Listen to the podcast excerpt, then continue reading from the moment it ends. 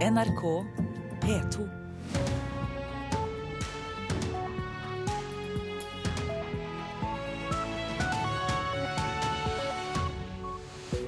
Øystein Heggen ønsker deg velkommen til Nyhetsmorgen onsdag 11. juni. Nå 6.30 er dette hovedsaker. Mer prostitusjon og narkotika med tiggerforbud, det frykter tiggere på gata i Oslo. Bedrifter skal kunne gi vikarer lavere lønn enn fast ansatte. Regjeringen vil ha unntak fra EUs krav om likebehandling. Ny europastrategi blir lagt fram av regjeringen i dag. Vidar Helgesen, statsråd for Norges forhold til EU, kommer til Nyhetsmorgen. Og Datatilsynet er bekymret over GPS-sporing av barn. GPS krenker ikke barna, hevder den svenske produsenten av sporingsutstyr, Mats Horn.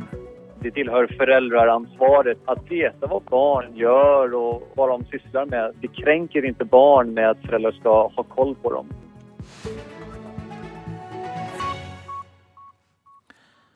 Tiggerforbud vil føre til mer kriminalitet og prostitusjon blant narkomane. Det frykter gatearbeidere og narkomane i Oslo.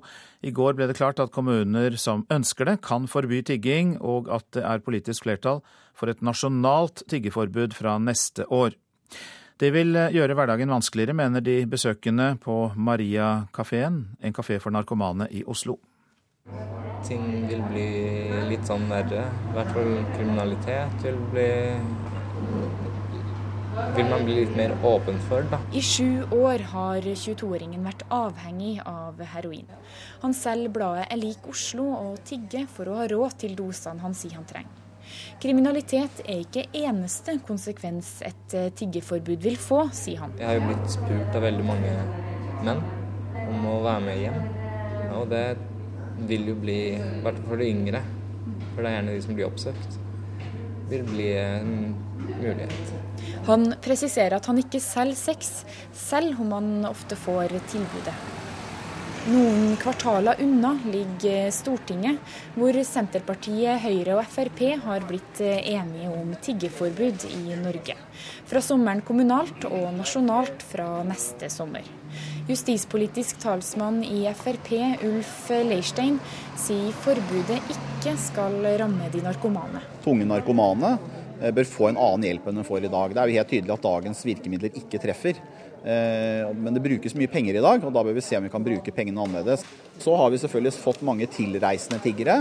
Og dessverre så har politiet da bedt om å få virkemidler for en del av de tilreisende tiggerne. De driver ikke bare med tigging, de driver også med annen virksomhet som er kriminelt. Og da trenger man faktisk dette forbudet mot tigging for å kunne få, få håndtert dette problemet. Hvordan går det? Har lyst på kake? Ja? Saft? På den frivillige kafeen Marita-kafeen kommer narkomane innom for å slå av en prat og få noe godt å spise. Vi har nemlig fått marmorkake i dag. Så ikke dere godt ut? Avdelingsleder Anders Søyseth sier regjeringa starter i feil ende når de tillater tiggeforbud. Det å vedta en sånn lov uten å først se på hva kan vi, hva kan vi bruke av virkemidler på å hjelpe den gruppa. Det er jo ikke sånn at folk, det er ikke sånn at folk slutter å ruse seg. Altså, de trenger fortsatt like mye rus og trenger de penga. Nå bruker jeg fingrene, for jeg har ikke årer. 22-åringen viser håndflatene som er full av små, blodige sprøytestikk. Hver dag bruker han 400 kroner på to sprøyter heroin. Han håper på å bli rusfri før tiggeforbudet blir nasjonalt. Reporter Marit Gjelland.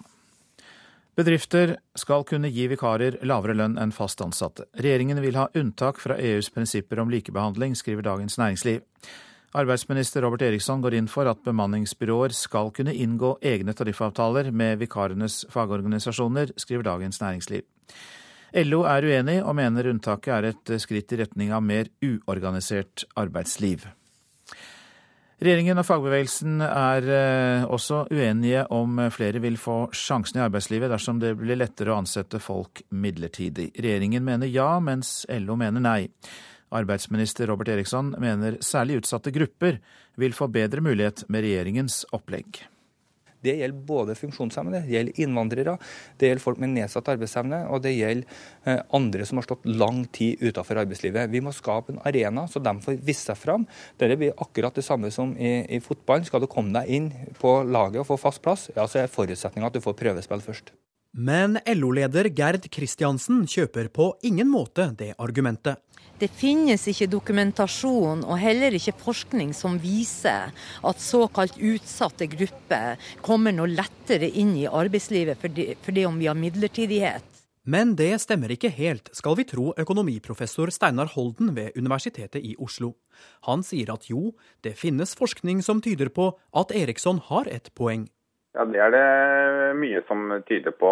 Arbeidsgiverne vil jo ofte være forsiktige med å ansette utsatte grupper. og, og fordi de vet ikke helt hvordan de fungerer. og, og Da vil de være mer tilbøyelige til å ansette slike grupper eh, hvis det er midlertidige stillinger. Skjønt det er ikke den eneste effekten forskningen har pekt på.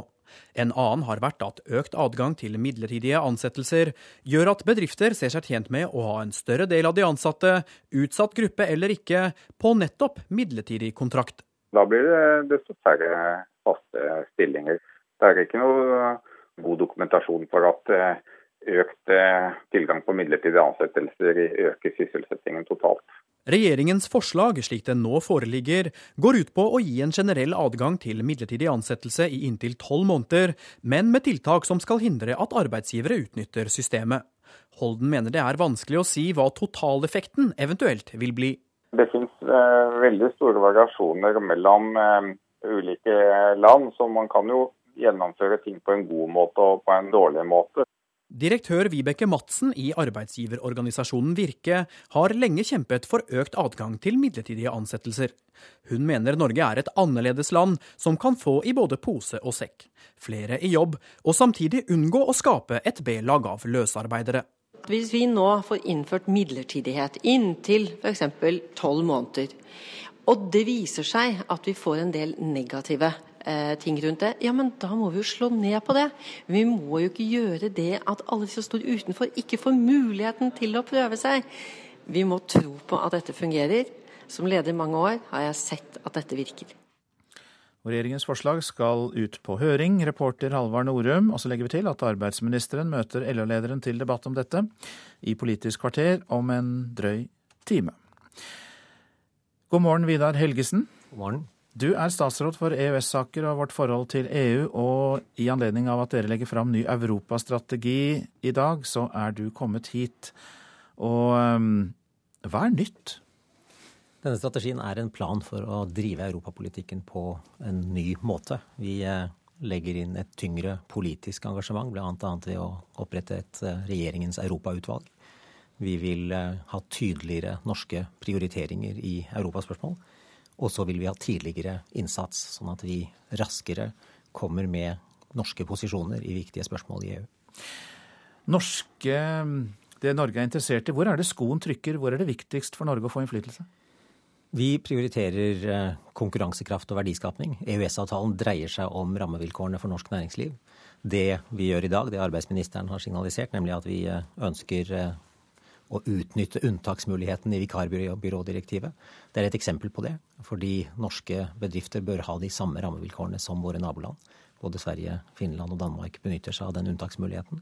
Så det er ett eksempel på en eh, aktiv europapolitikk hvor vi legger til rette for konkurransekraft. Så ønsker vi bedre kvalitet i forskning og utdanning. Eh, europeisk forskningssamarbeid er den aller viktigste arenaen for norsk forskning. Vi ønsker å få mer ut av de mulighetene som byr seg der.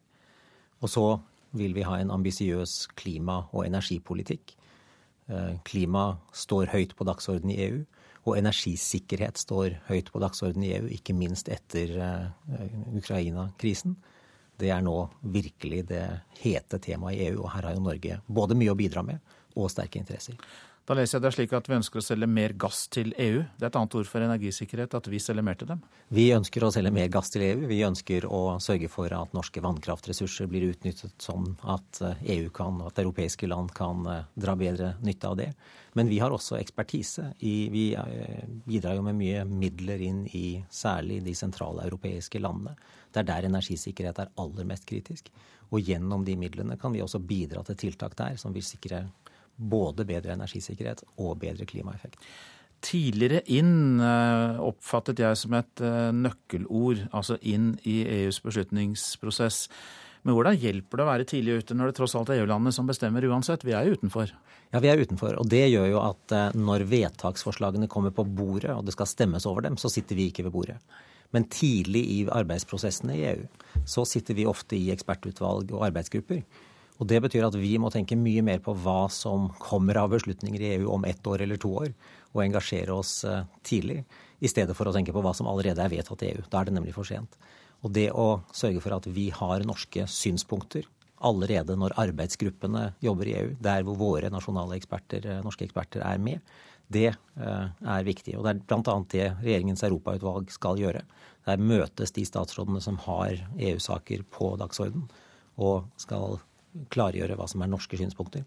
Sånn at de norske embetsfolk og norske eksperter som reiser til disse arbeidsgruppene, skal vite hva som er vårt politiske syn. Så det er tidligere inn mot EU, også mer koordinering mellom statsrådene, hvis jeg skal oppsummere det i én setning? Det er det, og tydeligere på at eh, vi har noen prioriteringer, noen saker og saksområder som er viktigere enn andre. Vi har utkrystallisert fem eh, sånne saksområder, og det betyr at der skal vi sette inn ekstra mye ressurser. Takk skal du ha, Vidar Helgelsen, som altså er statsråd for EØS-saker og Norges forhold til EU.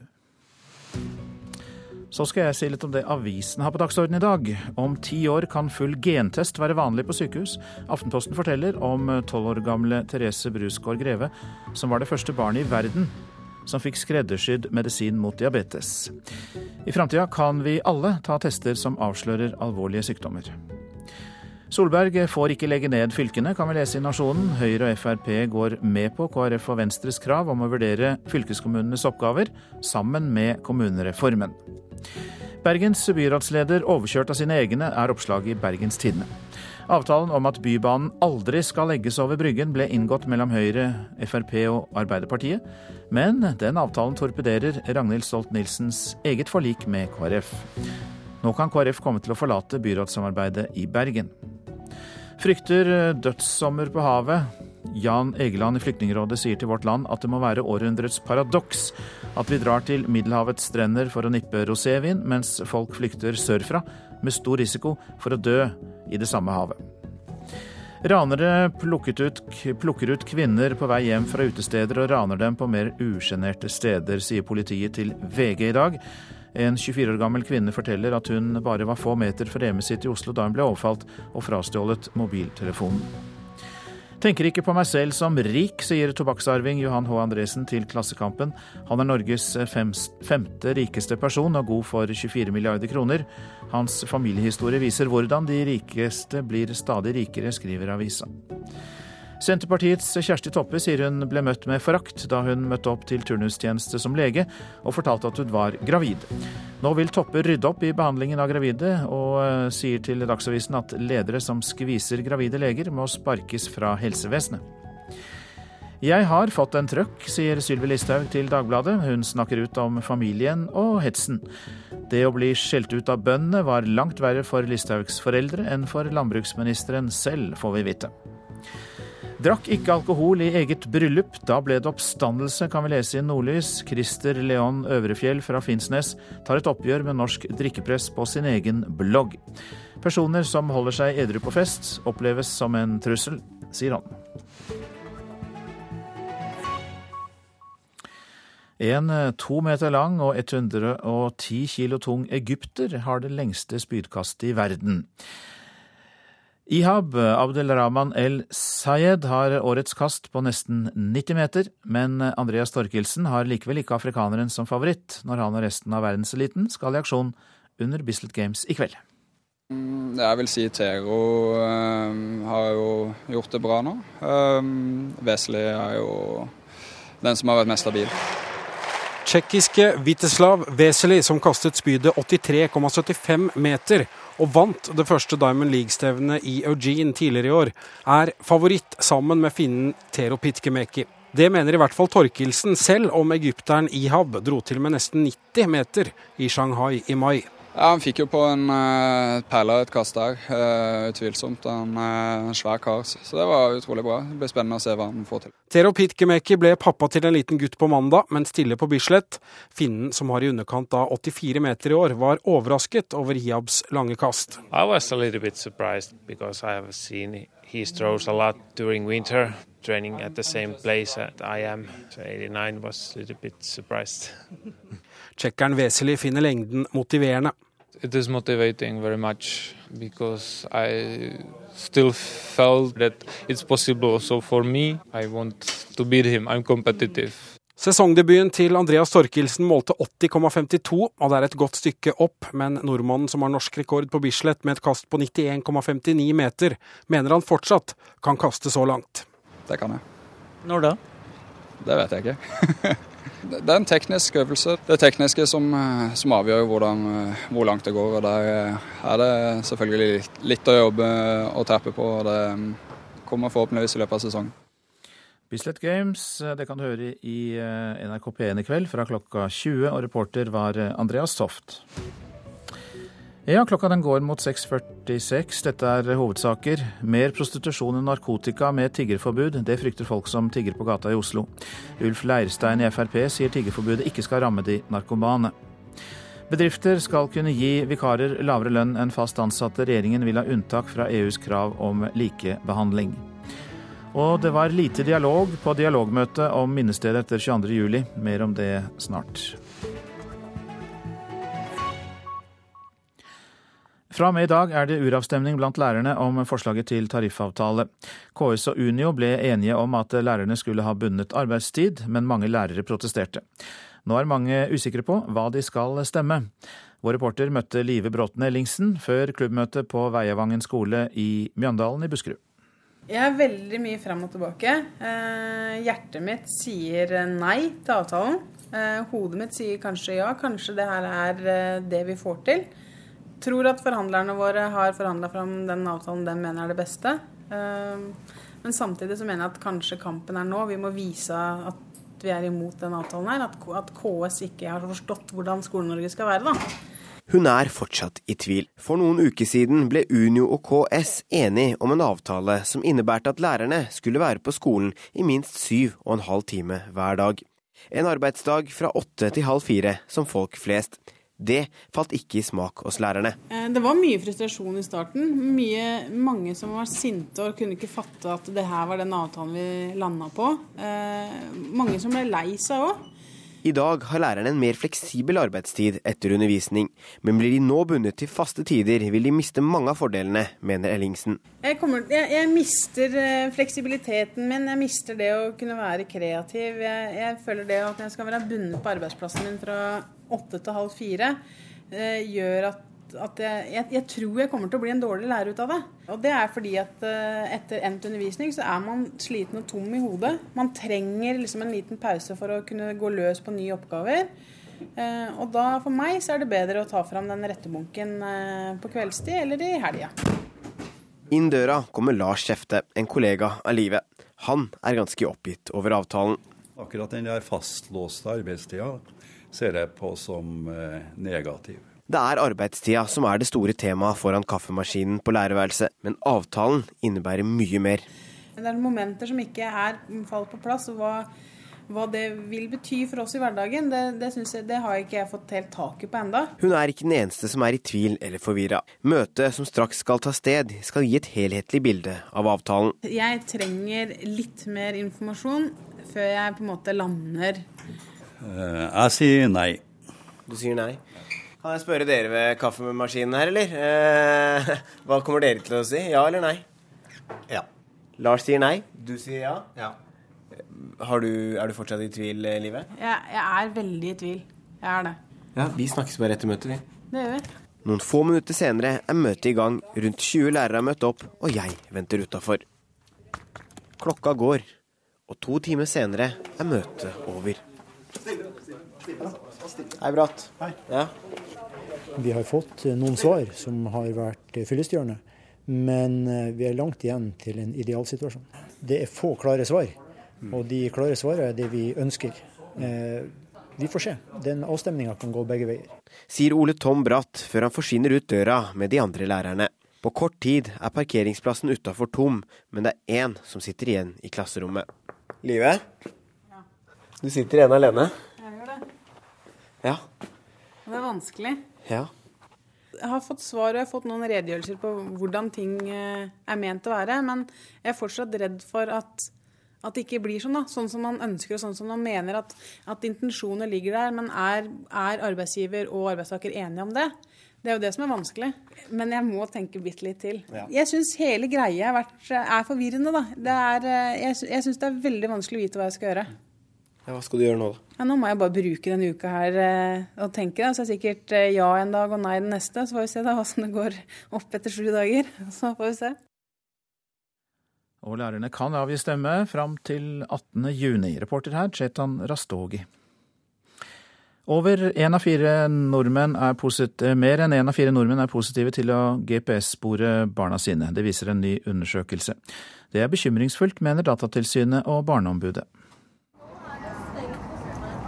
Marina Boja står og venter på bussen på Majorstua i Oslo, sammen med sin to og et halvt år gamle sønn som sitter i barnevogn.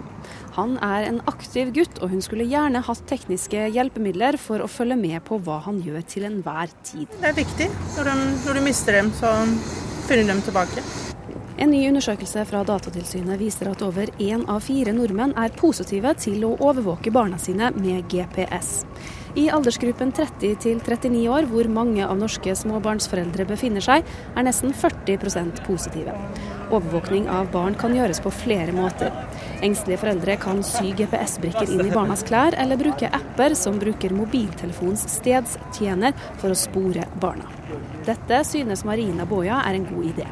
Det høres veldig bra ut. Man kan overvåke meg 24 timer i døgnet. Så lenge man er ute, så syns jeg er helt, helt greit. Absolutt. Det er viktig å følge med. Datatilsynet, som har utført undersøkelsen gjennom Opinion Perduco, mener sporing av barn er bekymringsfullt. Hvis du skal vite hvor barna dine er hele tiden, så kan du egentlig risikere å ødelegge oppveksten til barna dine. For barna dine trenger også fristunder. De trenger øyeblikk hvor ingen vet hvor de er hen.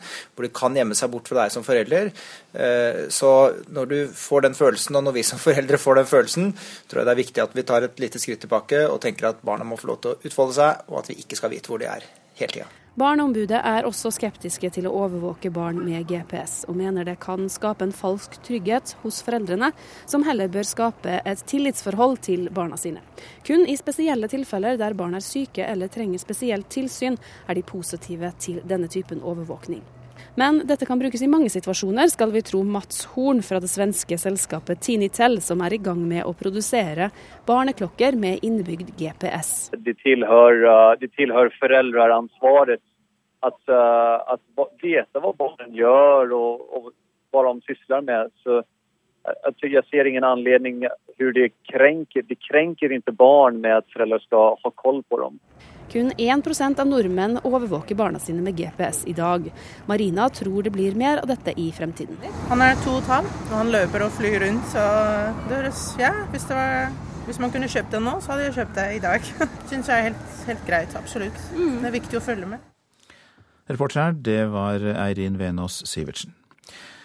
22. juli-minnesmerket på Sørbråten ved Utøya høster positiv omtale i internasjonal presse, hevder prosjektledelsen, men motstanderne viser til at utenlandske journalister også får med seg debatten som foregår rundt valget av kunstverk og plassering. I går kveld inviterte Statsbygg beboerne på Sørbråten i Buskerud til dialogmøte, men det ble ikke så mye dialog. Det er jo helt ute og sykler. Og så skal dere si at dere kommer med et møte her hos oss, og så har dere ikke mandat til noen verdens ting. Det ble raskt ampert i lokalet da Statsbygg inviterte til dialog og innspill om minnesmerket som regjeringen har bestemt skal bygges på Sørbråten, rett ved boligfeltet Utstranda i Hole kommune. Stedet ligger på landsiden rett overfor Utøya, og det var herfra flere beboere og campingturister dro ut med båt for å redde ungdommen som la på svøm den skjebnesvangre dagen i 2011. Det er blitt en tung sak for veldig mange nå. Det har det blitt. Jo Ulltveit Mo er avdelingsdirektør i Statsbygg. Han leder arbeidet med å virkeliggjøre minnesmerket, slik den svenske kunstneren Jonas Dahlberg har utformet det, med å dele en odde i to. Utformingen og plasseringen er det naboene til kunstverket er mest opprørt over. Men det er utenfor Ulltveit Mos mandat å gjøre noe med. Likevel hadde han håpet å kunne ta med seg noen innspill tilbake til kontoret. Jeg, jeg hadde nok håpet at det skulle være en litt mer uh, uh, konstruktiv uh, hva skal jeg kalle for noe, dialog. men når det er sagt, så er det jo altså det er, Jeg har full forståelse for reaksjonen fra fra beboerne, som, som jo også var med under 22.07. Utstranda vel mener myndighetene fører en uryddig og udemokratisk prosess. Leder i velforeningen Henrik Lund Pedersen mener uroen rundt minnesmerket ikke står i stil til samholdet fra 22.07. Når et prosjekt eller et minnesmerke som skal være en, en greie som samler befolkningen, som vi alle, alle kan eh, stå sammen om, i stedet skaper splid og, og, problemer, da har man jo feilet. Altså, dette prosjektet har allerede feilet. Det vil ikke Jørn Mortensen i KORO, statens organ for kunst i det offentlige rom, være med på. Han leder kunstutvalget som plukket ut vinneren i konkurransen om minnested, og viser til at en lang rekke internasjonale aviser og tidsskrift roser vinnerprosjektet. Vi ser på det som en bekreftelse på at vi har uh, truffet med, med, kunstnerisk løsning. Mortensen må ha lest ganske selektivt, parerer Henrik Lund Pedersen. For utenlandske journalister har også fått med seg debatten rundt minnesmerket ved Utøya. Vi kan vise til mange andre artikler, både i Die Zeit og franske aviser og i danske aviser, hvor man stiller spørsmålstegn ved dette som foregår. Reporter her, det var Thomas Alvarstein Ove. Hvor mye trening er bra, og hvor mye er for lite? I helgen skal 1000 syklister trå til for unik hjerteforskning. Målet er å finne ut eh, hva det ni mil lange Nordsjørittet og andre sykkelritt gjør med helsa til vanlige mosjonister. Jeg føler meg i bra form. 46 år gamle Asbjørn Vagle trener i Melsheia. For femte år på rad skal han sykle det ni mil lange Nordsjørittet mellom Egersund og Sandnes. Men denne gangen sykler han også som forskningsdeltaker i hjerteprosjektet NEEDED. Jeg syns det er utrolig spennende å få være med på det prosjektet, og jeg meldte meg på så fort jeg hadde anledning. Når mailen kom, så, så svarte jeg på den. og det, det, er spennende å både gjøre noe for sin egen del, med å delta, men òg å være med i forskningsprosjektet for eventuelt å gjøre noe for andre. Stein Ørn er leder for forskningsprosjektet NEEDED. Han er også stefar til supersyklist Alexander Kristoff og overlege på Universitetssykehuset i Stavanger. Nå gleder han seg til den unike hjerteforskninga. Det foreligger ganske mye forskning på toppidrettsutøvere og på eh, personer som har sykdom. Men gruppen av friske personer som driver med konkurranseidrett for gledens skyld, er det veldig lite data på. Det er det Ørn nå vil gjøre noe med. Og I forbindelse med Nordsjørittet skal derfor 1000 syklister tas blodprøver dagen før sykkelrittet, tre timer etter de har kommet i mål, og dagen etter nimilsturen med utgangspunkt i det vi gjør i år, så vil vi følge utøverne i 20 år framover i tid. Eh, sånn at eh, vi vil se på om eh, Nordsjørittet som kjøres nå til helgen, kan si noe om sykdomsforløp og hvor friske folk er de neste 20 årene. Reporter Siri Vikne Pedersen. Så til værvarselet fram til midnatt. Fjell i Sør-Norge. Regnbyger, særlig i vestlige fjellstrøk. Østafjells får perioder med pent vær, men lokale regnbyger med torden. Særlig da i indre strøk i ettermiddag. Det blir også liten kuling på kysten øst for Oksøy fra i ettermiddag. Vestlandet sør for Stad. Opp i liten kuling på kysten. Nær Stad stiv kuling. Regnbyger med torden. Det blir lite nedbør sør i Rogaland. Så går vi til Møre og Romsdal og Trøndelag. Perioder med liten kuling på kysten. Regnbyger. Torden først i sør. Helgeland, Saltfjellet, Salten og Ofoten. Det blir tilskyende vær. Fra i ettermiddag regnbyger, og først kommer de i sør. Torden i indre strøk. Lofoten og Vesterålen tilskyende, liten kuling fra i ettermiddag. Seint i kveld regn fra sør. Og så var det Troms. Der blir det mye pent vær i dag, men i kveld så skyr det til, og det blir liten kuling. Finnmark spredte regnbyger i indre strøk, ellers perioder med sol. Så var det Nordensjøland på Spitsbergen, stort sett oppholdsvær. Temperaturer klokka fem. Svalbard lufthavn to grader, Kirkenes åtte. Vardø har vi ikke, men Alta og Tromsø har begge åtte.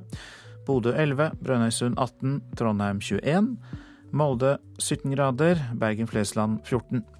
Så var det Stavanger med 13, Kristiansand-Kjevik 14, Gardermoen 16, Lillehammer 15, Røros 16 grader og Oslo-Blindern hadde 17 grader. Og det var altså da klokka var eh, fem i natt.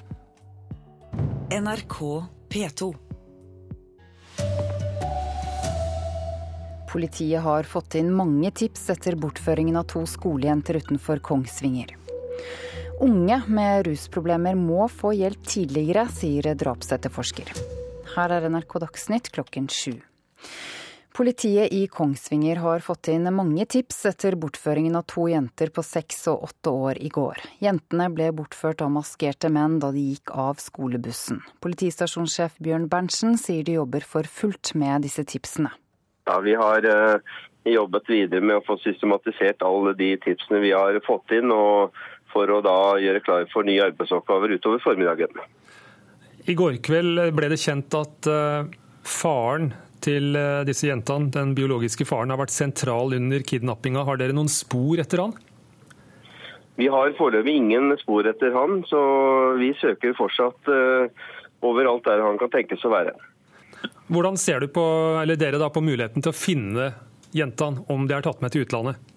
Nei, Vi kan ikke ha, gjøre noe annet enn å ha en veldig stor tro på at vi skal uh, finne disse igjen. og Derfor må vi da søke både nasjonalt og internasjonalt. Intervjuer Stein S. Eide. For å redusere antallet drap her i landet må unge med rusproblemer få hjelp tidligere, sier tidligere drapsgransker Ann Kristin Olsen. De som dømmes for drap er unge og nesten alltid menn, og de har ofte rusproblemer, viser NRKs gjennomgang av drapssaker. Vi må fange opp disse før de begår drap, sier Olsen. De krever tett oppfølging, og de krever tidlig innsats og oppsøkende virksomhet. Ann-Kristin Olsen ledet et statlig utvalg som så på forholdet mellom rus og psykiatri og drap i 2010. Det å få dem tilbake på skolebenken, det å stille vilkår om rusfrihet og i det hele tatt en variert og tett oppfølging. Reporter Ellen Borge Christoffersen. En mann ble alvorlig skadet da en plastbåt med påhengsmotor kjørte inn i en molo ved Hanøytangen i Hordaland i natt. Tre personer stakk av fra stedet i en gummibåt, ifølge politiet. Politiet har hatt kontakt med en annen person på stedet som også var innblandet i ulykken. Det kan bli lov å spille poker hjemme. Regjeringen foreslår at poker med en pott på 5000 kroner bør bli lovlig hjemme hos folk, skriver Vårt Land. Forutsetningen er at pokerlaget ikke skal ha et organisert og profesjonelt preg, og at det fortsatt skal være ulovlig med pokerlag på arbeidsplasser og på skip. Blå Kors mener eh, samfunnet allerede har nok problemer med spilleavhengighet. NRK Dagsnytt var ved Ida Creed. I Nyhetsmorgen tar vi fatt i disse sakene. Stortinget bruker First House-partner til å bedre sin kommunikasjon. Kriseteam til skole i Kongsvinger der to jenter ble bortført i går. Iraks nest største by erobret av islamister. Og vi skal også her høre mer om at nesten halvparten av de som har drept i rus, er mellom 17 og 30 år. For det viser nemlig en gjennomgang NRK har gjort av drapssaker i Norge de siste ti år, som vi også da hørte i Dagsnytt. Det viser altså at et stort antall av de unge gjerningspersonene har en historie med rus og vold. Ann Kristin Olsen ledet en statlig drapsutredning i 2010. Hun ønsker tidlige tiltak for å få mindre vold og drap. De er unge, de har ofte et rusproblem. De blir lett sinte og frustrerte. Og så går det helt galt. 2011. En 26 år gammel mann har festet hardt med hjemmebrent piller og hasj. Irritasjonen ble stor da naboen ringte politiet for å få dempet lydnivået. Den sterkt berusa og tidligere voldsdømte 26-åringen mister kontrollen og slår i hjel naboen sin. Han får 13 år i fengsel. 2006. En uskyldig skump på et utested ender med at en mann i midten av 20-årene stikker kniven i magen på en annen ung mann. Mannen har røyket hasj over en tiårsperiode. Kokain og rohypnol er vanlig for ham på fester. Han blir aggressiv når han ruser seg, det vet han. Og det fikk tragiske konsekvenser for offeret som dør på vei til sykehuset av skadene. Han som stakk, får ti år i fengsel. Det er veldig viktig eh, å gripe inn tidlig, og det syns jeg deres undersøkelse viser. Ann-Kristin Olsen ledet et statlig utvalg som så på forholdet mellom rus og psykiatri og drap i 2010.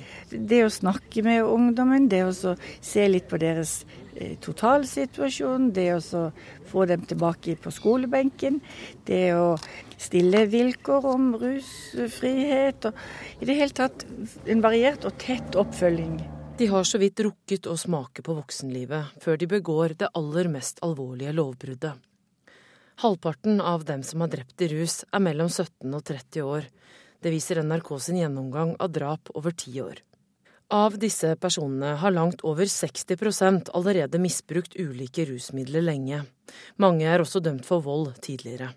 Professor Stål Bjørkli er en av Norges fremste forskere på voldsrisiko. Ja, jeg vil si at alle tiltak på å redusere rusmisbruk eh, vil være eh, av eh, nytte i denne sammenhengen her. Ann Kristin Olsen mener etter sin granskning at bedre omsorg vil gi færre drap. Ja, og færre voldsmenn. For det er jo så, såpass få drap i Norge, da. For det åpenbare er kanskje det vanskeligste. Vi kan stadig bli bedre i forhold til uh, å gi disse ungene her et bedre liv. For det er egentlig det som er det viktigste tiltaket til å forebygge vold, det er å gi mennesker et bedre liv. Reporter her, det var Ellen Borge Christoffersen. Ja, god morgen, Pål Grøndal. Du er psykologspesialist og jobber da i eh, SIFER, et kompetansenettverk for fengsels- og rettspsykiatri. Kan du si litt mer om hvem de er, de som risikerer å ende opp i disse fortvilte situasjonene for offeret først og fremst, men også for seg selv? Ja, dette er en, ikke en ensartet personlighetstype eller gruppe mennesker som vi kan identifisere tidlig. Men uh, la oss si at det vi kjenner til, er at det er en del risikofaktorer som disse folkene har. Og det er jo denne risikofaktoren som Olsen-utvalget avdekket, og som NRK også har sett på. og Det er nemlig denne trianguleringen mellom tidlig rusmisbruk, visse psykiske lidelser som ikke nødvendigvis trenger å være psykose, og det at man tidlig begynner å utøve vold. Det er liksom de kjente risikofaktorene. Har du gjort deg opp noen tanker om hvorfor de ikke får hjelp eh, før det er for sent? Ja, eh, Det er to ting her. Det ene er jo denne lange diskusjonen eh, rundt barnevernet. Altså Når barnevernet ser at dette her går galt, hvilke myndigheter skal de kunne ha? Hvor tidlig skal de gripe inn, og hvor mye skal det biologiske prinsipp, nemlig at man skal liksom ha det hjemme hos foreldrene for enhver pris, hvor mye skal det råde? Det er en diskusjon som går fram og tilbake. Mener du at samfunnet bør tidligere inn? Det høres sånn ut. Ja, jeg, jeg, mener nok i prinsippet det, fordi vi vet at nesten, for å snakke sykdomsbegrep, jo tidligere vi kommer til, jo bedre går det. Mm. Dette er mennesker i veldig tidlige livsfaser som lærer og ser at ofte vold i hjemmet, rus i hjemmet, det er det som slår ut. Det er det de lærer seg. Og hvis, hvis da barnevernet kan gripe inn der hvor det trengs, tidlig, så tror jeg det er nyttig og viktig. Så var det en annen grunn som du var i ferd med å si da jeg avbrøt deg. Ja, så glemte jeg det mens vi satt her. Spørsmålet, takk. Ja, nei, Det gjaldt jo hva som er årsaken til at uh, disse kommer i de situasjonene, disse utsatte personene her, som både da har rus og psykiske problemer. Ja, den andre årsaken er, ligger nok litt i at uh, dette er jo ikke de letteste personene å få inn i behandling. Mm. Eh, dette er ikke de gode, snille, litt sånn lettdeprimerte menneskene som, som, jo kommer pliktskyldigst til terapier og sånt. Vi må ofte, som Olsen sier, vi må hanke det inn. Vi må følge det opp, og vi må følge det opp tidlig. Og det er veldig krevende. Og da er det nok en del som smetter igjennom alle de tiltakene vi forsøker på. Men rus er sentralt her, også da i mye av de sakene NRK har laget i det siste, som en viktig og farlig faktor. Hvordan kan man få ned rusbruken blant disse utsatte gruppene, tror du? Jeg tror det er en blanding av ros og belønning og pisk. Altså, Disse menneskene er som sagt ikke lette å få tak i, og de må jo ha en, en, en form for Se at dette her hjelper dem det er veldig viktig for dem. Fordi jeg har snakket med ganske mange av disse menneskene her. Og, Og de ser ikke noe alternativ. For dem er, er det ikke noe alternativ bare å slutte med rus for å få et bedre liv. Mm. Vi kan sitte på vår side og si at hvis du demper rusen, kutter ut, så vil du få et kvalitativt langt bedre liv. Men dette er ikke noe for dem, fordi dette er nesten noe av det eneste i livet som fyller det med kick. Og da må vi erstatte kicket med noe annet kick.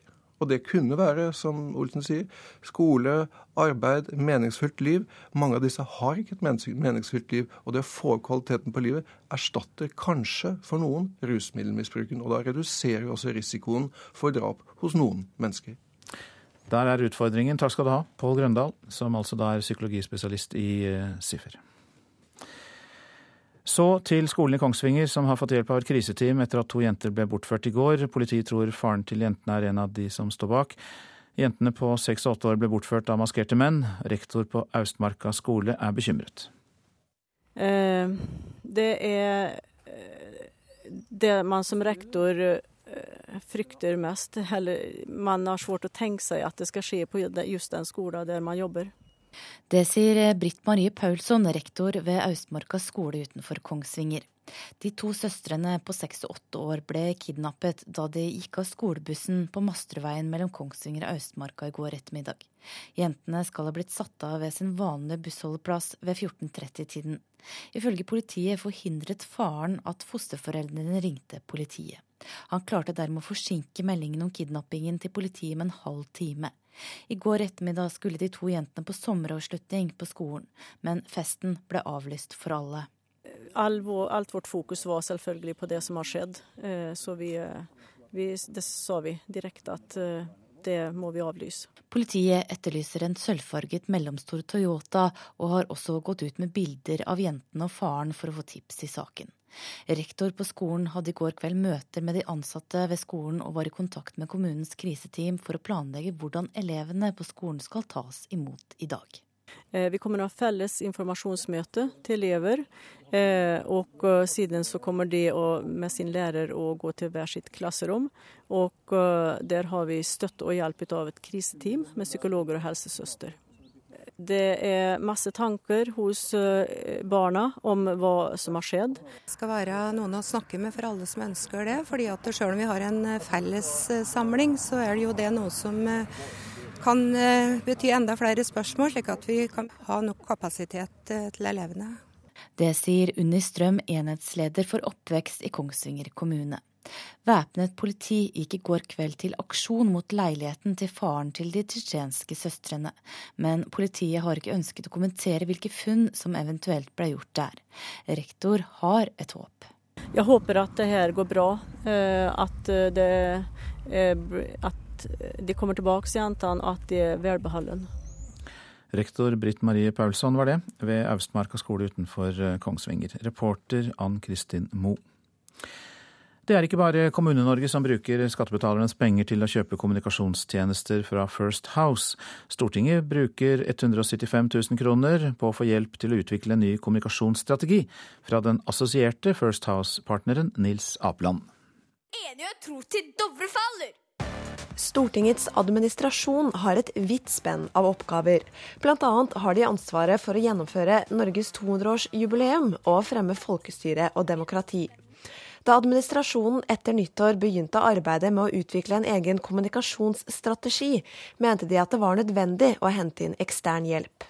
Nils Apeland, som er assosiert partner i First House, fikk oppdraget gjennom firmaet sitt Bedre kommunikasjon. Prisen 175 000 kroner. Ja, det syns jeg er helt uhørt.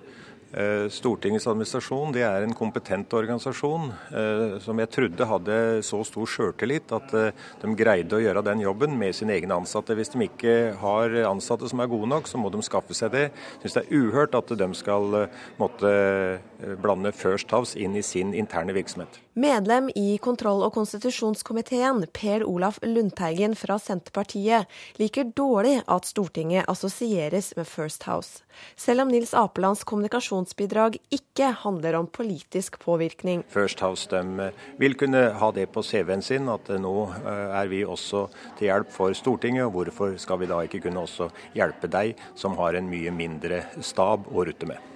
Hvorfor er det galt? Ja, Hvis ikke folk ser at det er, er galt, så da ber jeg en om å tenke sjøl. Stortingsdirektør Ida Børresen forsvarer bruken av ekstern kommunikasjonshjelp og Apelands timepris på tilnærmet 2734 kroner. At han er assosiert partner i First House, var aldri et tema. Det er viktig å si her at vi forholdt oss ikke til First House, vi holdt oss eh, til Apelands firma Bedre kommunikasjon. Eh, så, eh, så, det var på en måte ikke en problemstilling. Og, anbudsregelverket er jo sånn at det likestiller alle firmaer. Eh, sånn at, at, det er på en måte ikke en problemstilling, føler jeg. Det er et kommunikasjonsfirma som selger tjenester som alle andre. Apeland selv vil gjerne avmystifisere hele oppdraget, og mener det blir feil å si at han kan tjene på å få innsikt i Stortingets administrasjon. Jeg har ikke møtt noen politikere, og jeg har ikke vært inne i noen politiske behandlinger eller møter eller noe som helst.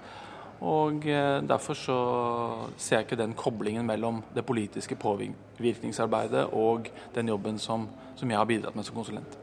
Reporter her, det var Anne Mone Nordahl. God morgen, Marie Simonsen. God morgen. Du er politisk redaktør i Dagbladet. Du skrev i helgen en kommentar i avisen din der du stiller spørsmål om First House er et problem for demokratiet eller et symptom på et større problem. Så hvordan reagerer du på det du hørte her?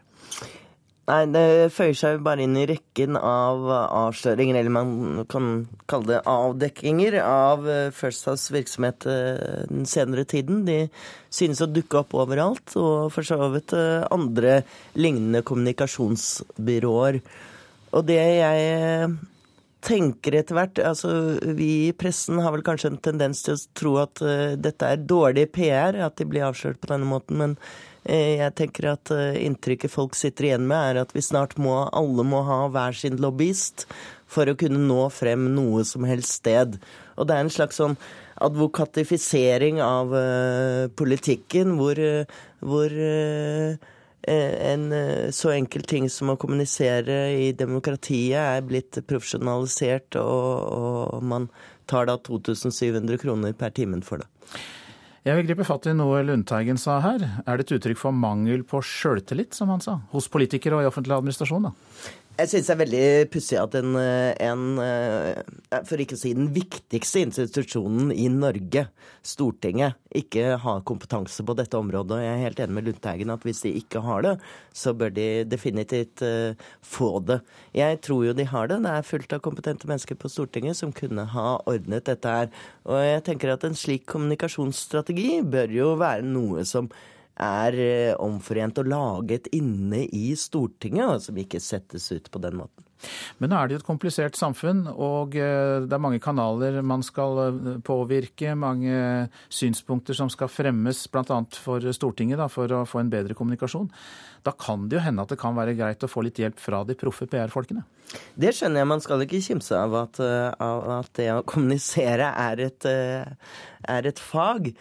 Vi driver jo selv i det faget. Men det, det, jeg tenker også, er at eh, politikerne kanskje bør tenke litt på hvorfor dette her eh, brer om seg. Er det blitt for vanskelig å nå frem til dem? Og, og at eh, selv kommuner ser seg best tjent med at de må leie inn eh, dyre PR-rådgivere for å nå frem til sine egne partifeller. Det høres jo unektelig litt rart ut, men, men, sånn er det altså blitt. Og man må spørre seg da om er dette bare rent jåleri og, og hysteri, eller er det rett og slett nødvendig? Og at den demokratiske veien som man hadde tidligere, er blitt stengt. Da spørs det om man klarer å åpne den demokratiske veien, lurer jeg på, da, for å konkludere her. det, det, det, er ikke sikkert. Det bør i hvert fall politikerne også tenke seg om uh, hver dag. Takk skal du ha, Marie Simonsen, som da er politisk redaktør i uh, Dagbladet. Dette er Nyhetsmorgen. Klokka den går mot 7.19. Dette er hovedsaker. Politiet i Kongsvinger har fått inn mange tips etter bortføringen av to jenter på seks og åtte år i går. En mann ble alvorlig skadd da en plastbåt med påhengsmotor kjørte inn i en molo ved Hanøytangen i Askøy i Hordaland i natt. Og nesten halvparten av de som har drept i rus, er mellom 17 og 30 år.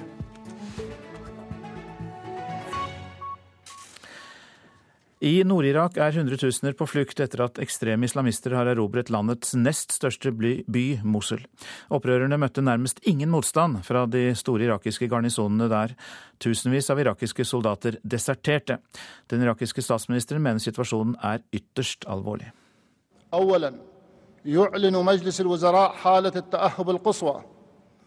Situasjonen er ytterst alvorlig, sier den irakiske statsministeren Nuri al-Maliki som forteller det irakiske folk gjennom TV-kameraene at tiltakene må komme øyeblikkelig, ellers er landets sikkerhet i fare. Maliki ba i går nasjonalforsamlingen om å innføre unntakstilstand, og han kom med et forslag om at sivilister nå skulle utstyres med våpen og det kan være nødvendig, for kilder NRK snakker med, forteller om kaotiske tilstander i Mosul da angrepet kom natt til tirsdag. Regjeringen har mistet totalt kontroll over sentrum av Mosul. Både hæren og politiet har rømt fra sine posisjoner og gitt fra seg våpnene, forteller journalist Genem al-Abed til NRK. Han var i Mosul i går, men har flyktet til byen Arbil. Al-Abed forteller om kollaps i kampmoralen både blant soldatene og polititjenestemennene. Da angrepet fra Al Qaida-gruppen Den islamske staten i Irak og Levanten kom, ble post etter post forlatt. Noen baser er overgitt uten at det har blitt avført et eneste skudd, sier al-Abed, som også forteller om desertering i stor skala. Soldatene kastet av uniformene og tok på seg sivile klær. Så rømte de i forskjellige retninger, sier den irakiske journalisten. Mosul er landets nest største by, og det skal ha vært en garnison på nesten 70 000 soldater der da angrepet kom. Hvor mange som deserterte, er ikke kjent. Situasjonen sent i går kveld var vanskelig for sivilistene, forteller Al-Abed.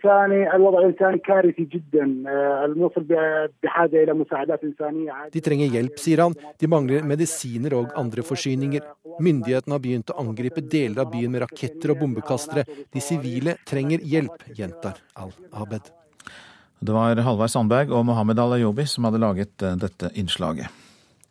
Midtøsten-korrespondent Sigurd Falkenberg Mikkelsen, hva er de siste informasjonene du har fra Mosul? Det er at dette sprer seg utover Mosul og provinsen Ninve. Eh, det er altså andre steder i eh, nord- og nordvestområdet eh, ISIL har eh, gått inn i. Eh, Bl.a. har de vært inne i Samara, som er en hellig by for mange sjiamuslimer. Og så har de også vært, gått inn i noen av byer i Salahadin-provinsen. Så de nærmer seg mer og mer kontroll over store landområder nord og vest i Irak. Denne ytterliggående islamistiske gruppen ISIL eh, kan tyde på at den er sterk for tiden. Hvorfor skjer dette nå? Hvorfor får de en slik suksess? Ja, De er eh, veldig eh, sterke, og det er flere grunner som gjør at de har kunnet rykke fram på denne måten. De har mye stridserfaring fra Syria. Dette er en gruppe som er aktiv i begge land. Eh, de har samlet eh, styrke i eh, lang tid. De har kontrollert Fallujah like utenfor Bagdad. Men dette er jo først og fremst et nederlag for statsminister Nouri al-Maliki, som ikke har klart å skaffe seg noe støtte eller få noe som helst stabilitet i de sunnimuslimske områdene i landet. og Det gjør at sånne type eh, grupper som dette eh, får et eh, spillerom. Og så sier det også noe om hvor mislykket det amerikanske forsøket på å innføre demokrati og stabilisere Irak etter at de styrtet Saddam Hussein fra makten for nå over ti år siden har vært. Hva kan de videre følgene av dette bli, tror du? Dette er uh, uoversiktlig nå, uh, men dette er, uh, dette er, en veldig viktig utvikling i Midtøsten. For det første så tar da denne gruppen over enorme våpendepoter. De har tatt masse penger. Sånn at dette er en stor utvikling. Det gjør at de kommer til å styrke seg betraktelig. Det kommer til å få konsekvenser i Irak, men også for krigen i Syria. Takk skal du ha, Midtøsten-korrespondent Sigurd Falkenberg Mikkelsen. Så til det avisen er opptatt av i dag. Om eh, ti år kan full gentest være vanlig på sykehus. Aftenposten forteller om tolv år gamle Therese Brusgaard Greve, som var det første barnet i verden som fikk skreddersydd medisin mot diabetes. I framtida kan vi alle ta tester som avslører alvorlige sykdommer. Solberg får ikke legge ned fylkene, kan vi lese i Nasjonen. Høyre og Frp går med på KrF og Venstres krav om å vurdere fylkeskommunenes oppgaver sammen med kommunereformen. Bergens byrådsleder overkjørt av sine egne, er oppslaget i Bergens Tidende. Avtalen om at Bybanen aldri skal legges over Bryggen, ble inngått mellom Høyre, Frp og Arbeiderpartiet. Men den avtalen torpederte da Ragnhild Stolt-Nielsens eget forlik med KrF. Nå kan KrF komme til å forlate byrådssamarbeidet. Frykter dødssommer på havet. Jan Egeland i Flyktningerådet sier til Vårt Land at det må være århundrets paradoks. At vi drar til Middelhavets strender og nipper til rosévin, mens folk flykter sørfra med stor risiko for å dø i det samme havet. Ranere plukker ut unge kvinner på vei hjem fra utesteder og raner dem på et mer usjenert sted, sier politiet til VG. En 24 år gammel kvinne forteller at hun bare var få meter fra hjemmet sitt i Oslo da hun ble overfalt og frastjålet mobiltelefonen. Tenker ikke på meg selv som rik, sier tobakksarving Johan H. Andresen til Klassekampen. Han er Norges femte rikeste person og god for 24 milliarder kroner. Hans familiehistorie viser hvordan de rikeste blir stadig rikere, skriver avisa. Senterpartiets Kjersti Toppe sier hun ble møtt med forakt da hun møtte opp til turnustjeneste som lege og fortalte at hun var gravid. Nå vil Toppe rydde opp i behandlingen av gravide leger, og sier til Dagsavisen at ledere som skviser gravide, må sparkes fra helsevesenet. Jeg har fått en trøkk, innrømmer Sylvi Listhaug i Dagbladet. Hun snakker ut om familien og hetsen. Og det å bli skjelt ut av bøndene var langt verre for Listhaugs foreldre enn for landbruksministeren selv, får vi vite. Drakk ikke alkohol i eget bryllup, og da ble det oppstandelse, kan vi lese i Nordlys. Christer Leon Øvrefjell fra Finnsnes tar et oppgjør med norsk drikkepress på sin egen blogg. Personer som holder seg edru på fest, de oppleves som en trussel, sier Kristel. I går ble Hillary Clintons bok 'Vanskelige valg' lansert i USA. Den tidligere utenriksministeren og førstedamen eh, ville fortsatt ikke svare på om hun eh, stiller som presidentkandidat i 2016, men USA-korrespondent Gro Holm møtte flere som ønsker seg nettopp henne blant eh, bokkjøperne i hovedstaden Washington. I would say 90% sure it is the start of her campaign, even though it's undeclared. Jeg vil si det er 90% sikkert at dette er starten på hennes presidentkampanje, selv om den ikke er kunngjort som det, sa Amy, som sto med et eksemplar av Hillary Clintons vanskelige valg rett innenfor dørene til bokgiganten Barnes Noble.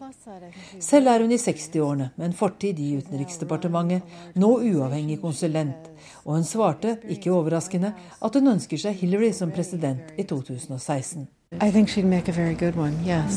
Jeg tror hun vil bli en veldig god president, med all den erfaringen hun har, mente Amy.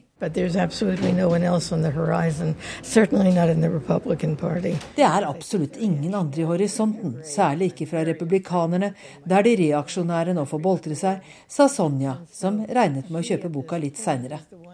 Hun er også en godt voksen, hvit middelklassekvinne, altså en representant for den delen av folket som med størst sannsynlighet støtter Clinton som president.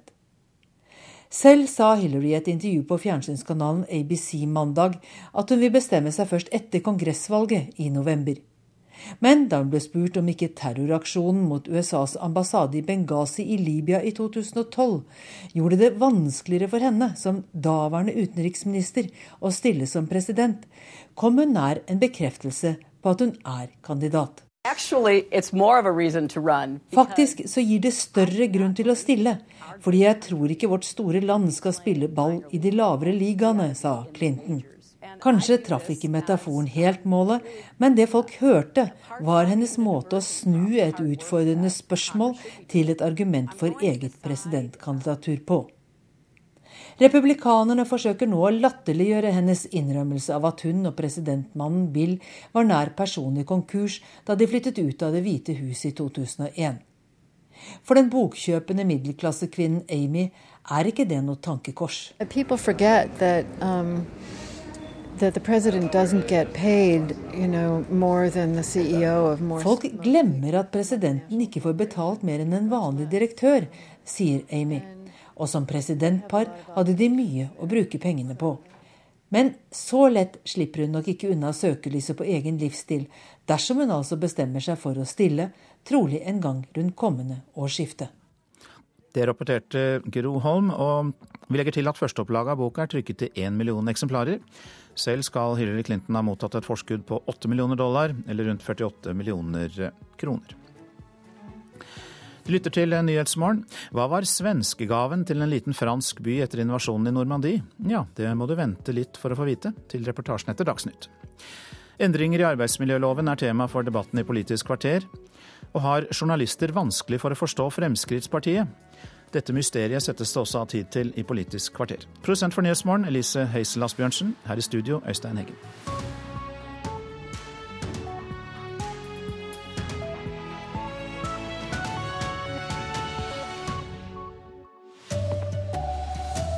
Politiet har ingen spor etter faren til de to jentene som ble bortført ved Kongsvinger i går.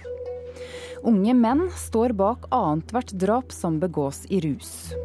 Én av fire nordmenn er positive til å GPS-spore barna sine. Det liker ikke Datatilsynet. For barna dine trenger også fristunder. De trenger øyeblikk hvor ingen vet hvor de er hen. Her er NRK Dagsnytt klokken 7.30. Politiet i Kongsvinger har fått inn mange tips etter bortføringen av to jenter på seks og åtte år i går. Jentene ble bortført av maskerte menn da de gikk av skolebussen. Politistasjonssjef Bjørn Berntsen sier de jobber for fullt med tipsene, men har foreløpig ingen spor etter faren. Vi har foreløpig ingen spor etter han, så vi søker fortsatt uh, overalt der han kan tenkes å være. Tirsdag kveld aksjonerte bevæpnet politi mot eh, farens leilighet i Oslo. Faren til de to tsjetsjenske søstrene som ble bortført utenfor Kongsvinger tirsdag, er tiltalt for omsorgssvikt, skriver Dagbladet. Spørsmålet om forlenget plassering i fosterhjem skulle behandles denne uka. Politiet har brukt natta til å bearbeide tips i saken, sier politistasjonssjef Bjørn Berntsen i Kongsvinger. Det har ikke vært noen utvikling eh, si, etter midnatt. Da. Vi har eh, jobbet videre med å få systematisert alle de tipsene vi har fått inn. og for å da gjøre klar for nye arbeidsoppgaver utover formiddagen. Det som skjedde utenfor Kongsvinger i går ettermiddag er det verst tenkelige, sier rektor ved Austmarka skole, Britt Marie Paulsen. Man har svårt å tenke seg at det skal skje på just den skolen der man jobber. I går ettermiddag skulle de to jentene på sommeravslutning på skolen, men festen ble avlyst for alle. All vår, alt vårt fokus var selvfølgelig på det som har skjedd, eh, så vi, eh, vi, det sa vi direkte at eh, det må vi avlyse. Reportere Arne Egil Tønseth og Ann Kristin Moe. For å redusere antallet drap her i landet må unge med rusproblemer få hjelp før, sier tidligere drapsgransker Ann Kristin Olsen. De som dømmes for drapet er unge, og nesten alltid menn, og de har ofte rusproblemer, viser NRKs gjennomgang av drapssaker. Vi må fange opp disse før de begår drap, sier Olsen. 2006. Knuffing på et utested. En mann i 20-årene blir sint. Han tar ofte kokain og Rohypnol på fest, og han blir aggressiv når han ruser seg, det vet han. Han stikker en annen ung mann med kniv i magen, som dør av skadene. Mannen får ti år i fengsel. 2011. En 26 år gammel mann har festet hardt med både piller, hjemmebrent og hasj. Da naboen ringer politiet, mister han kontrollen og slår han i hjel. Han får 13 år i fengsel. Det er veldig viktig eh, å gripe inn tidlig, og det syns jeg deres undersøkelse viser.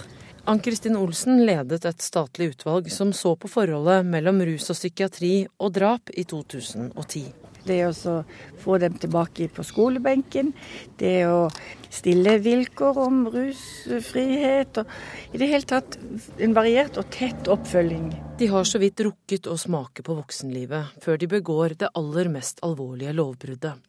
Halvparten av dem som har drept i rus, er mellom 17 og 30 år. Det viser NRK sin gjennomgang av drap over ti år. Av disse personene har langt over 60% allerede misbrukt ulike rusmidler lenge. Mange er også dømt for vold tidligere.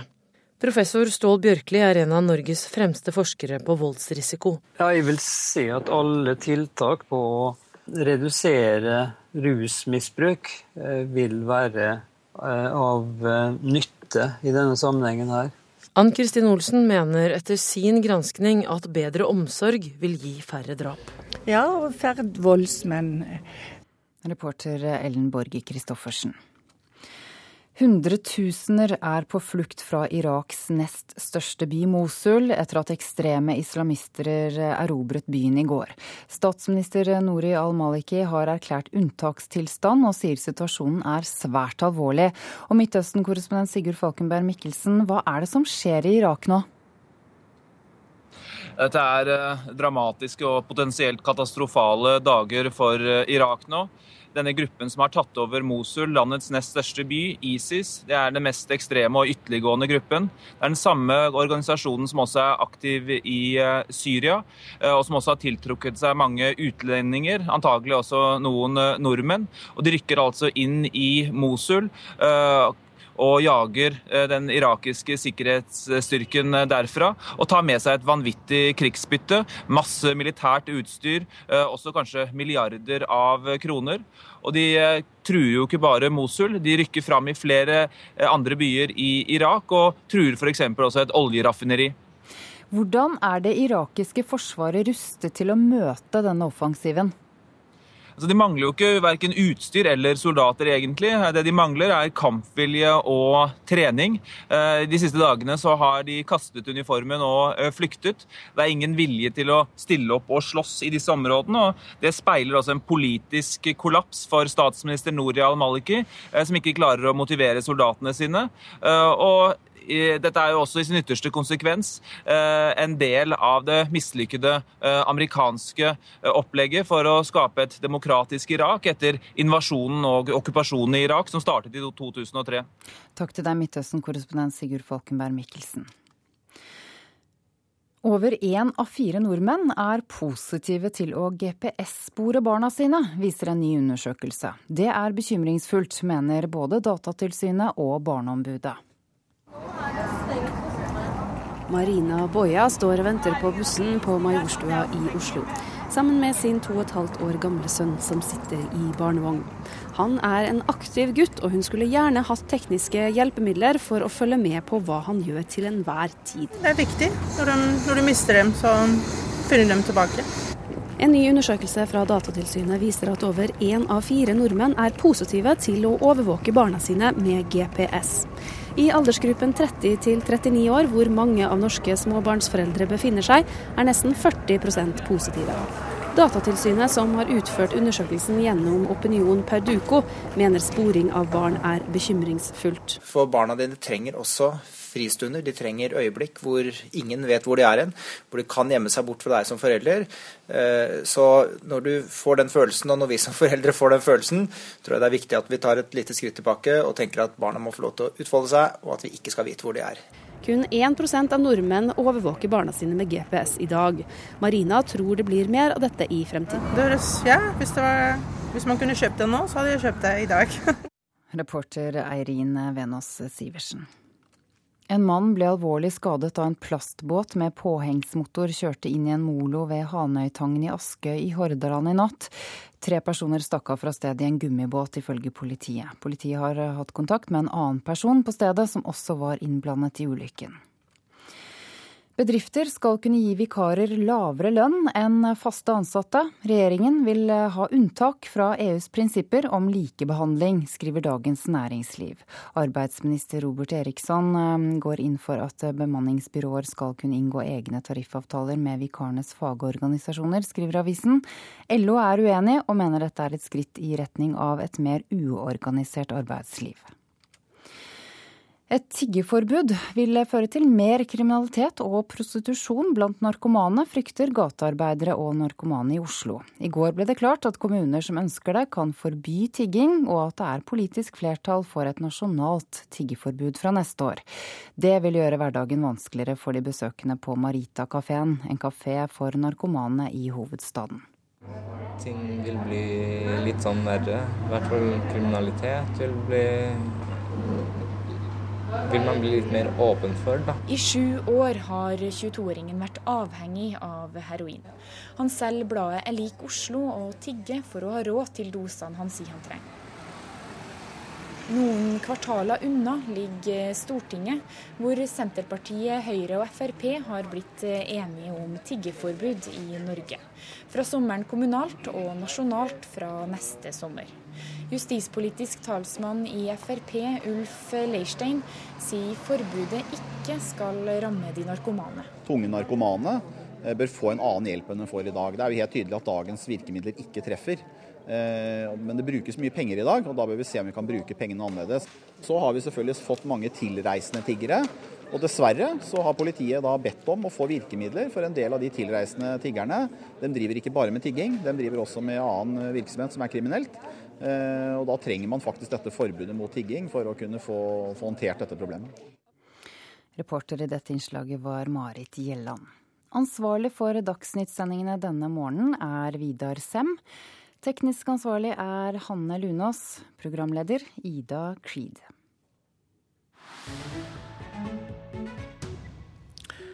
Det er Nyhetsmorgen du lytter til nå. Rett før helgen så ble det, som mange husker, markert at det er 70 år siden de allierte styrkene gikk i land i Normandie i Frankrike. Det vi kjenner som D-dagen. Men kampene varte i flere måneder før nazistene ble presset sørover, og byene i området lå i ruiner. Men så kom det en gave fra nord. Oh la! Øla, c'est grand! Anne-Marie Manet ler godt når hun forteller hvordan moren reagerte da hun for første gang fikk se huset de skulle få lov å bo i. For 70 år siden gikk de allierte i land på strendene nord i Frankrike og startet det som skulle bli frigjøringen av Europa og begynnelsen på slutten av annen verdenskrig.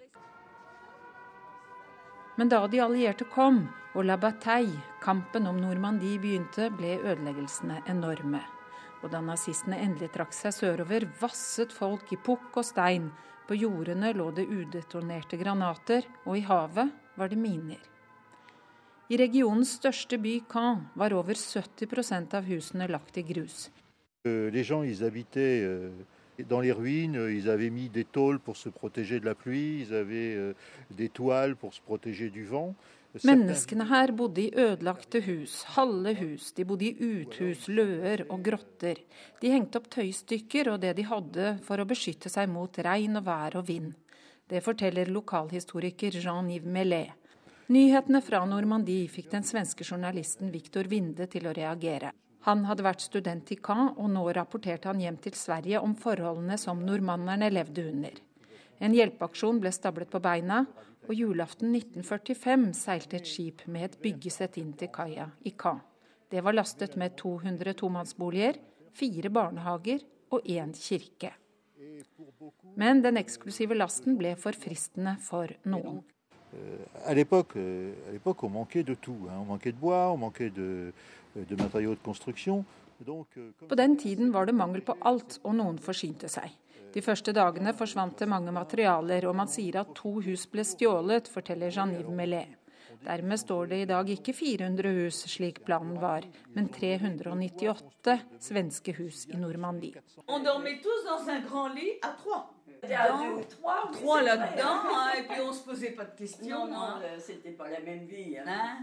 Vi var tre barn i hver seng, og jeg tror mamma var gravid med enda en, sier Anne-Marie Monet.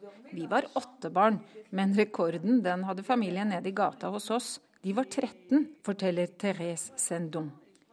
Jeg møter de to hjemme hos Therese. I hagen vokser det poteter, bønner og tomater, akkurat slik som det var i årene etter krigen. Roser og andre sommerblomster lyser opp mellom trærne, som har vokst seg høye og frodige i løpet av de snart 70 årene som har gått. De to madammene kiver om ordet, når de skal fortelle om sine barneår i Les Suédoises, som de svenske husene kalles.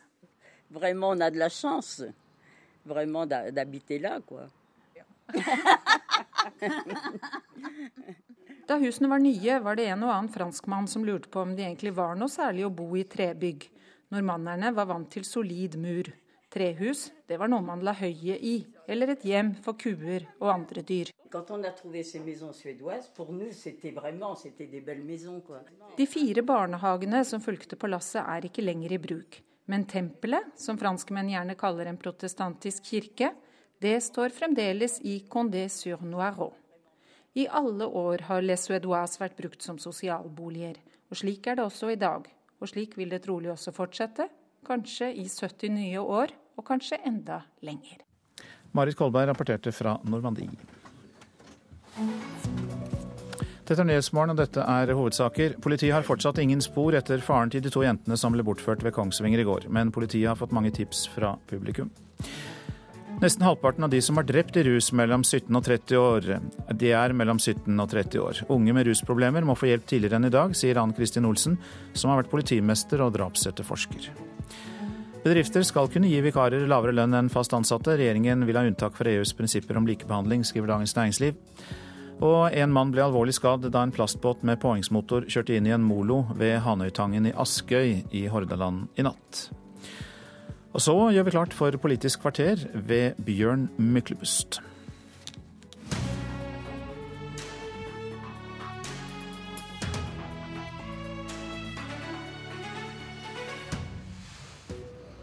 I det røde hjørnet LO-leder Gerd Kristiansen. I det blå hjørnet arbeidsminister Robert Eriksson. En krigserklæring, sier LO om at regjeringen vil tillate flere midlertidige jobber. Midt i ringen en programleder, og hvis han ligner på journalister flest, og vår siste gjest har rett, vil programlederen slite med å forstå Robert Eriksson og Frp. LO-leder Gerd Kristiansen, hender det at du har lyst til å slå? Nei, det, så, langt går det ikke.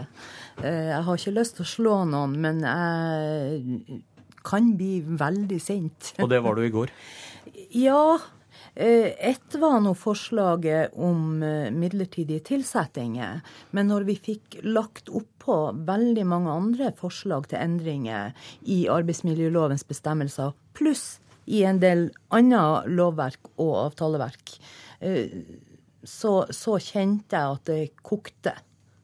Regjeringen vil åpne for at bedrifter kan ha folk på midlertidige kontrakter opp mot ett år. Men du kan da ikke være overrasket over dette? Det var det de borgerlige lovte, og det var det et flertall av velgerne bestilte. Jeg er ikke overraska over at forslaget kommer, men det jeg er overraska over, det er for det første prosessen. Det at uh, regjeringa også sier at vi skal ha at partene i arbeidslivet og myndighetene skal snakke sammen.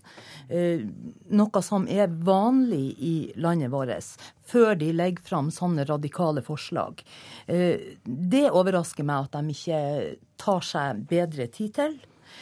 Og så overrasker det meg at regjeringa vil utvide dette med midlertidig ansatte. Altså Det er over 10% av arbeidsstokken som konstant er midlertidig ansatt i dette landet. Men hvorfor tror du de ventet til etter lønnsoppgjøret da med å ta dette? Nei, Det er klart det ville vært enda mer provoserende midt i et lønnsoppgjør. Så av hensyn til norsk økonomi, så må jeg jo si at jeg er glad for at de venta til etterlønnsoppgjøret. Arbeidsminister Robert Eriksson fra Fremskrittspartiet. Du ble overrasket over den kraftige reaksjonen fra LO? Ja, jeg blir veldig overraska over at man legger seg på en sånn type retorikk. En sånn type eh, måte å argumentere på, bruke de ord man bruker. Fordi at jeg og Gerd Kristiansen vi hadde en hyggelig tur ved 15.11. Eh, langs Akerselva. Eh, I VG 16.11. så står det, det at der vil jeg vurdere å gjøre noe med midlertidig ansettelse. Åpne opp for en generell adgang for å slippe flere inn i arbeidslivet. Eh, da sier Kristiansen at du ønsker å opptre konstruktivt. Der viser jeg til at det kan være aktuelt å innføre ni måneders generell adgang, eller tolv måneders generell adgang. igjen, Kristiansen vil opptre konstruktivt. Og så begynner man da å reagere på prosess. Altså, Vi har et arbeid- og pensjonspolitisk råd i Norge. Der, og Regjeringa har ikke foreslått noen verdens ting. Der samles partene i går. Der informerte jeg partene om hva jeg ønsker å sende ut på høring. Og så vil prosessen starte. Den starta i går, den. Eh, og så vil vi på bakgrunn av den reelle prosessen som vi nå har satt i gang, fremme forslag i løpet av høsten. Eh, og da blir jeg litt sånn eh, usikker og, og, og spørrende på hva er det egentlig Gerd Kristiansen her Eh, etterspør i forhold til prosess. Ja, skulle, jeg men... en, skulle, jeg hatt en egen prosess med Geir Kristiansen før prosessen starta?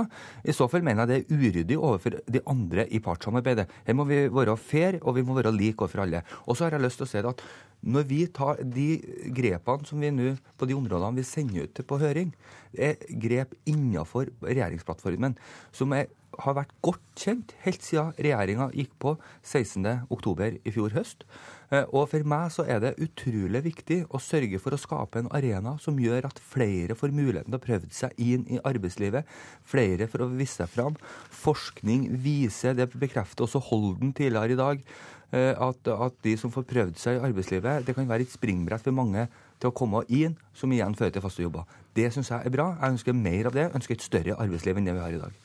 Jeg lurer på hva det slags forskning eh, arbeidsministeren nå viser til, som, som viser at midlertidige tilsettinger fører til, uh, fører til faste ansettelser i arbeidslivet. Det er ikke bra for den enkelte arbeidstaker, denne utryggheten med å være midlertidig ansatt. Du står sist i køa åkke som, både i privatlivet og i arbeidslivet. I arbeidslivet så får du ikke delta i i eh, utvikling. Du får eh, ikke de samme mulighetene til avansement som andre har. Eh, I det private, private livet så står du aller sist i køa når det gjelder å skaffe deg bolig og lån. Det, det betyr utrygghet. Og det betyr også uh, utrygghet på den enkelte arbeidsplass. Det, det viser seg jo at produktiviteten går ned jo flere midlertidige ansatte du har.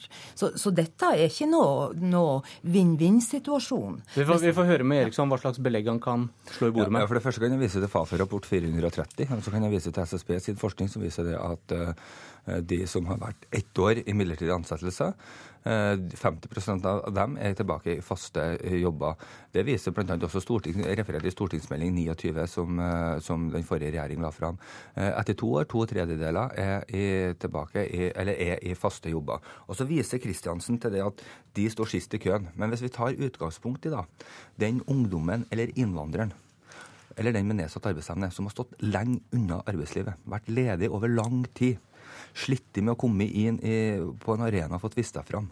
Ja, han har usikkerhet, han. Han har utrygghet. Han er det iallfall ingen som ønsker å komme og gi et lån. Men det at han kan få prøve seg fram, uh, vise seg fram, og få muligheten da til å komme inn i et arbeidsforhold og videre inn i et fast forhold, det kan faktisk gi en mulig ny karrieremulighet. Og, og, og, og, gi en mulighet til å få lån, komme seg fram og ha en, ha en god yrkestilknytning framover, i stedet for at han blir stående på utsida. Det syns jeg er uheldig. Og så er hovedregelen i norsk arbeidsliv i dag fast ansettelse. Det vil det fortsatt være. Fast ansettelse, men vi må slippe til flere som får prøve seg. Eriksen begrunner forslagene her med at svake grupper kan komme inn på arbeidsmarkedet. Men så hørte jeg deg i går, og det høres nesten ut som du mener at han ljuger? At han skyver seg foran Nei, men, men det, det som gjør Altså, å lage tiltak for såkalt svake grupper i samfunnet. Men du mener han egentlig snakke, at han egentlig snakker noen andre sak enn de han Nei, faktisk det snakker om? det han burde gjort, det var å sette seg ned med partene i arbeidslivet og spurt oss hva slags tiltak er det som hjelper i forhold til, i forhold til uh, eksempelvis uh, funksjonshemma. Hva skal til for at vi skal få flest mulig av disse inn i, inn i arbeidslivet? Det hadde vært mye bedre enn å klaske forslaget men, i bordet hvordan, hvordan man men vi, skal gjøre det. Vi hørte økonomiprofessor Steinar Holden i morges si at kunnskapen vi har, tyder på at de, denne type forslag fører til at det blir lettere for arbeidsgivere å la folk få prøve seg. Men hva risikerer man dersom man åpner for mer midlertidige ansettelser enn det man har i Norge i dag? Vi har allerede over 10% Men Holden sier at forskningen viser altså at terskelen senkes. Jeg er ikke så sikker på det. Men du undergraver i hvert fall dette med at hovedregelen er fast ansett, faste ansettelser. Sakte, men sikkert. Robert Eriksson, vi, har, vi, eh, altså, vi, vi kan jo kikke utover landets grenser. Vi kan kikke til Tyskland, f.eks. Eh, der der hovedregelen nå er blitt midlertidige ansettelser. De er oppe på over 70% og de har også gått gradvis ifra der hovedregelen var faste ansettelser, og til det de har i dag. Hva, Så vi kikker jo utover landets grenser. Hva gjør du, Eriksson, hvis det det ender opp med, fører til at uh, andelen midlertidige jobber øker? Ja, hvis, hvis arbeidslivet som sådan utvikler seg med, eller utvider seg, at det blir flere som får prøvd seg, så er det det som er hele poenget for regjeringas politikk. Men hvis det, det, færre fast, hvis det, blir færre faste jobber ja, og flere midlertidige, selv om flere da kommer jo, inn i arbeidslivet? Jo, men så må du huske på det at Vi har sendt ut tre forslag på, på høring, og vi kan sende ut tre forslag på høring. Så vi inviterer nå partene til å bli med og sette seg ned og diskutere med oss hvordan vi skal gjennomføre i forhold til regjeringsplattformen. Så den invitten kom i går, den til Gerd Kristiansen. Den invitten hun savner, hun etterlyser, den kom på det møtet i går. I går var startskuddet. Eh, og, og, og, så har vi ramma inn det dette ganske godt, sånn at man ikke kan misbruke de ansatte som er på midlertidig ansatte. Vi snakker om en, en periode på ett år. Eh, og, og, da må arbeidsgiver ta stilling til om man skal ansette fast eller ikke. Og gjør man ikke det, så er det en karantenetid. Det er mange sånne forslag som begrenser at du kan misbruke de som er på, på, fast, eh, på, på midlertidige ansettelser. Du har sagt Kristiansen, eh, at dette kan true det inntektspolitiske samarbeidet. Hvordan kan dere kjempe mot det, annet enn å skrive høringsbrev og ta en runde i Politisk kvarter?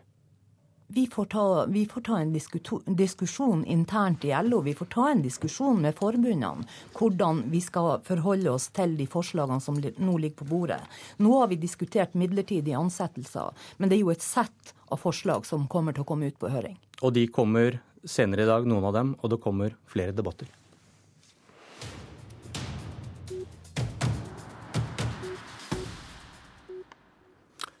Ove Vanebo fra Minerva, velkommen til Politisk kvarter. Takk. Du er tidligere formann i Fremskrittspartiets Ungdom. Du skrev nylig at journalister har problemer med å forstå Fremskrittspartiet. og da må jo første spørsmål bli fant du støtte til din teori i det du nettopp hørte? Nei, altså, jeg, jeg, tror nok eh, Jeg vet ikke om dette er så spennende for, eh, for journalister å vise skillene sånn sett. Men eh, det som jeg syns er, er spennende, er hvorfor det er sånn at det er såpass få journalister som stemmer på Fremskrittspartiet. Eh, for det er jo en etablert sannhet at eh, hvis journalistene hadde hatt stemmerett, så ville ikke Frp hatt en eneste representant på Stortinget. Og Da er det jo interessant å se litt på de mer underliggende strukturene, som da sikkert bidrar til at, til at det er sånn. Og Da mener jeg at det er, ut fra det jeg har sett, hovedsakelig tre ting. Det ene er at det er en ganske stor avstand eh, når det kommer til sosial og kulturell bakgrunn, eh, hvis du da sammenligner Frp-er og den typiske journalist. Eh, journalisten har ofte foreldre med høy utdanning. Frp-eren kommer typisk fra en mer arbeiderklassebakgrunn. Og Det får da utslag i f.eks. verdisyn, hvor da journalister typisk stemmer på idealistiske partier som er opptatt av miljøvern, global solidaritet og, og lignende, sånn som Rødt og Miljøpartiet, for å ta et par eksempler. Mens Frp-ere ofte har mer materielle, konkrete verdier og er mer opptatt av de nære ting. Eh, så er det sånn at eh, Ofte så er journalistikken eh, å, å avdekke avvik og finne, ut, finne avvik fra det som er god skikk. Mens Frp-ere ofte vil ha en mer avslappa holdning til ikke hva som er rett og galt, men man vil ha et syn på at det er lov å gjøre feil, og det, det kan skje alle. Og det siste jeg tenker spiller en rolle, er naturligvis at det er et sosialt press. Eh, sånn er det i alle profesjoner og yrker, at du påvirkes av dem du jobber med, og sånn vil det også være blant journalister. Eh, Frank Rossavik har f.eks. sagt at eh, hvis en journalist skulle stå fram og si at han stemte på Frp, så ville det være sosialt selvmord og verre enn å melde seg ut av Norsk Journalistlag. Så det er, det er flere faktorer, men jeg tror samla sett så gjør det at du det er veldig vanskelig for en journalist å, å putte Frp-stemmeseddelen i, i valgurnen. Men hva mener du dette konkret fører til i, i dekningen av Frp, da? Så en, eh, det som Frp-ere ofte sier, er at de, de føler seg dårligere behandla og eh, ikke akkurat driti ut, men i hvert fall eh, at, at, de mener vinklingen er skeiv. Men er det, er det, ikke sant, Man, Vi har jo hørt Carl I. Hagen i alle år, og ARK. Mm. Eh, venstrevridde journalister. Handler det om at journalister ikke liker Frp-politikken, eller som du, som jeg forstår deg, konkluderer i din tekst med at de ikke forstår dem? At de ikke forstår på en måte rasjonalet bak det de gjør? Det er nok litt begge deler. Eh, jeg, jeg syns jo det er helt legitimt at Frp tas hardt i, i debatter og, og, kjøres, for det, det, er jo journalistens jobb å avdekke svakheter i politikken. Men eh, det er ofte sånn at eh, hvis vi har en, en mening fra før av, så har vi lettere for f.eks. å avvise en, en, forskningsrapport som går i motsatt retning av hva vi sjøl mener er riktig. Eh, motsatt så er det også sånn at vi lettere aksepterer forskning som allerede bekrefter det vi veit, eller det vi tror er riktig. Eh, så jeg, jeg, tror, jeg, tror, ikke nødvendigvis det er, det er noe skade at uh, Frp kjøres hardt. Men jeg tror at hvis journalister lettere avviser politikken, og, og også fremstiller den dårligere fordi de helt klart bare får bekrefta fordommene sine, så kan det være et problem. Men, og, og det store clouet da for de som er opptatt av det, hva kan gjøres? Jeg tror at selvfølgelig at man bør være klar over at de mekanismene er der. Altså at det sosiale spillet alltid vil være i bakgrunnen. Men så er det også sånn at jeg mener at vi som er, er Frp-ere, også må kanskje være dyktigere til å, til å, tydeliggjøre hva vi mener, og, og forklare ting bedre. Det er jo selvfølgelig også en ting. Og så er det sånn at uh, kanskje er det en del Frp-ere som velger å bort og bli journalister fordi de det finnes andre ting som er mer interessant, og da må man bare sende inn flere lesebrev og være mer aktiv på den fronten. F.eks. jobbe i Minerva. Takk, Ove Vanebo. Politisk kvarter er slutt. Jeg heter Bjørn Myklebust. Hør flere podkaster på nrk.no podkast.